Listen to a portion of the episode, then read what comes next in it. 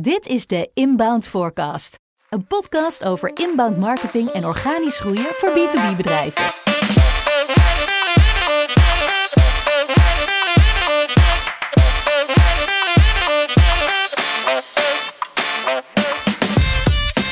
Hier is jullie host, Jero Arkus. Tijd voor een eh, nieuwe podcast. En eh, deze aflevering is denk ik meer een soort van column. Ik ga mijn mening geven over Dark Social. Nou, Dark Social werd in 2012 ehm, geïntroduceerd door de journalist Alexis C. Madrigal. En Radium One die zegt daarover dat 84% van de gedeelde content plaatsvindt via Dark Social platformen. Dark Social gaat over de gesprekken en content die worden gedeeld via platformen waar je met je analytics software geen zicht op hebt. We bekijken dark social heel vaak vanuit het perspectief van de marketeer. Uh, we kunnen het meten en we weten eigenlijk niet wat er gebeurt. Uh, maar zoals heel veel dingen in B2B marketing kunnen we natuurlijk wel leren van ons eigen gedrag. Ik ben niet alleen een marketeer, de mensen die hier naar luisteren ook niet. Uh, ik ben ook een mens en ehm, ook iemand die in een B2B context regelmatig, best vaak eigenlijk, betrokken is bij aankoopprocessen. Volgens e-marketer groeit dark social met 6,1% jaar over jaar. En ik zie dat terug in mijn eigen gedrag. In 2023 ging ik van één circle community waarvan ik lid was, een vakinhoudelijke community, naar drie. Ik had al een Discord-account, maar uh, sinds 2023 gebruik ik die ook actief. Ik zat in één zakelijke WhatsApp-groep, dat zijn er nu een stuk of vijf.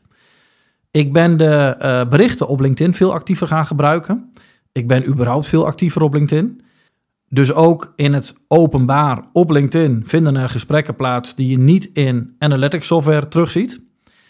Ik deel uh, vaker goede content met relaties uit mijn netwerk. Uh, mijn zoekopdrachten resulteren ook steeds vaker in geen klik. Dat zou je dark search kunnen noemen. Ik heb ook veel meer relaties gebouwd buiten de groep collega's en klanten dan ooit tevoren. Los van de mensen die ik in mijn podcast spreek. Er wordt natuurlijk al jaren over dark social gepraat. Uh, maar ik merk dat het echt enorm aan het toenemen is. Maar wat gebeurt er dan op die plekken? Nou, er wordt kennis gedeeld, er worden visies gegeven, er wordt gepraat over ervaringen met bureaus, met SaaS-oplossingen. Er worden vragen gesteld, vragen beantwoord. Commerciële partijen worden meestal niet genoemd door wat ze qua marketing doen, het gaat vaak veel meer om de ervaringen met een product of een dienst van het betreffende bedrijf. Uh, daar hebben mensen vragen over. Marketing content wordt wel gedeeld, maar alleen als het fucking goed is. En eigenlijk altijd door anderen, niet door het bedrijf zelf. Geen zelfpromotie. Ik zie het wel eens in de strategie van bedrijven terugkomen dat ze content maken en dan gaan nadenken over communities waar ze nog geen lid van zijn, maar waarin ze misschien wel die content kunnen gaan delen om te zorgen dat het onder de aandacht komt bij de juiste doelgroep. Nou, doe dat niet, zo werkt het natuurlijk niet.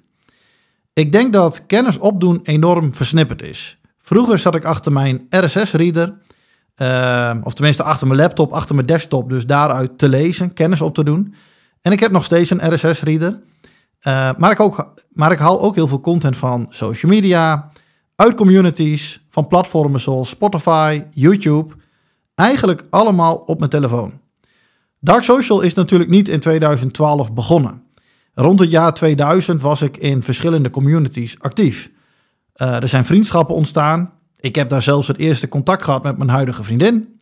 En daar werden ook al aankopen beïnvloed en gedaan. Uh, zelf was ik toen 15, um, ehm, maar ook in een zakelijke context bestond het natuurlijk dus al. Maar zakelijke content delen is door de staat van smartphones op dit moment enorm hard gegroeid. De drempel om iets te delen is veel lager, makkelijker dan vroeger. Uh, soms zie ik mijn eigen content en podcasts voorbij komen.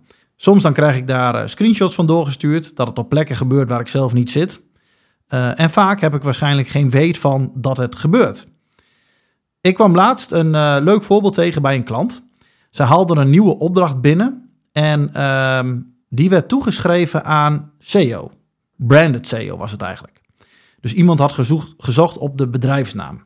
Maar eigenlijk, uh, we zijn eens gaan terugkijken van hoe is dit nou ontstaan. En uh, eigenlijk is dat ontstaan bij Dark Social. En ik heb daar zelf ook een rolletje in gehad.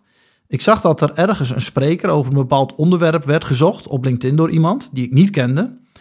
Ik heb daar op gereageerd. Ik heb daar iemand in getagd, een uh, collega van dat betreffende bedrijf. Die collega die heeft daar op een uh, event gesproken. In de zaal van dat event zat iemand die ook een event organiseerde. Die heeft hem vervolgens op basis daarvan weer gevraagd. En daar zat iemand in de zaal die interesse had in wat hij verkocht. En die kwam via branded SEO binnen. En dan zie je eigenlijk al dat zo'n journey door de echte wereld heen gaat.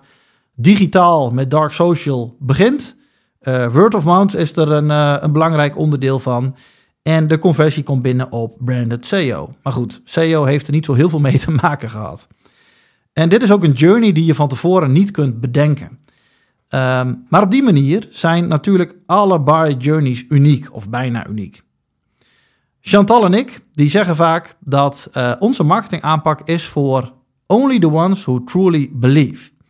En door mijn podcast zie ik het continu. Dit is niet te voorspellen, niet te vangen in een business case, niet te berekenen. En toch gebeuren dit soort dingen aan de lopende band. Als je hierin gelooft, als je ermee aan de slag gaat. Uh, hoe meer je de juiste dingen doet, des te groter de rol van dark social in de journey van je klanten. Uh, het is een gevolg van een goed product of een goede dienst hebben. Het is een gevolg van de juiste relaties bouwen. Een gevolg van proberen om fucking goede content te maken. Ik zie nooit content gedeeld worden in communities die middelmatig is. Of dat iemand mij uh, middelmatige content doorstuurt en zegt van dit moet je echt lezen. Nee, dat is altijd fucking goede content. Uh, en het is ook een gevolg van een merk worden in de echte wereld. Voor mij persoonlijk resulteert het actief deelnemen in communities en uh, deelnemen in het deel van het internet dat marketeers als dark social bestempelen in waardevolle relaties, nieuwe mensen die mijn podcast gaan luisteren, nieuwe relaties die opdrachten doorspelen, uh, mensen die naar mijn borrel komen, mensen met wie ik nu één op één kennis en ervaring uitwissel. Uh, zoals gezegd, we bekijken dark social heel vaak vanuit het perspectief van de marketeer. Maar we zitten natuurlijk zelf ook in die black box die we dark social noemen. Je kunt heel lastig direct sturen op wat daar gebeurt, maar je kunt wel de juiste dingen doen die zorgen dat dark social een grotere rol gaat spelen in de journeys van jouw klanten. Het is vooral belangrijk om dark social te gaan begrijpen en niet te veel te focussen op uh, HubSpot of Google Analytics attributie. Om niet te veel te focussen op de verkeerde data die alleen het laatste stukje van de buyer journey laat zien. En om niet te veel te focussen op business cases en van tevoren van alles de ROI willen weten. Zoals ik net zei, it's for only those who truly believe. Dat is de groep die steeds meer het verschil gaat maken, die echt impact gaat hebben met hun marketing. Ieder B2B bedrijf maakt tegenwoordig content, maar als 84% van de gedeelde content in dat stukje wat wij dark social noemen plaatsvindt, dan kun je dat niet negeren, dan kun je niet je kop in het stand steken. En dan moet je daar als B2B bedrijf iets mee. Bedankt voor het luisteren naar de Inbound Forecast. En vergeet niet om je te abonneren via YouTube of in je favoriete podcast app.